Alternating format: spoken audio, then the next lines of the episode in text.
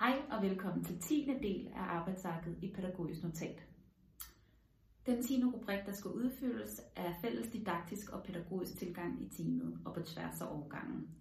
Her arbejder man videre fra 9. rubrik, som var refleksioner i teamet. Vi befinder os nu i den sidste del af arbejdsarket, som er ny viden i teamet.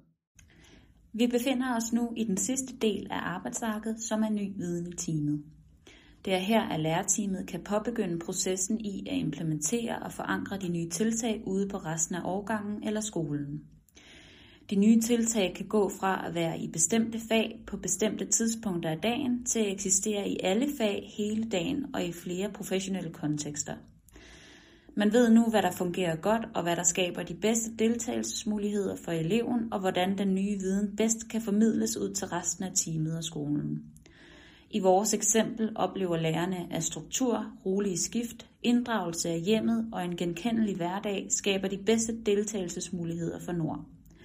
Lærer X og Y sørger på teammøderne for at udbrede de nye rutiner til det store lærerteam, hvorefter handleplanen gennemgås den 9. marts.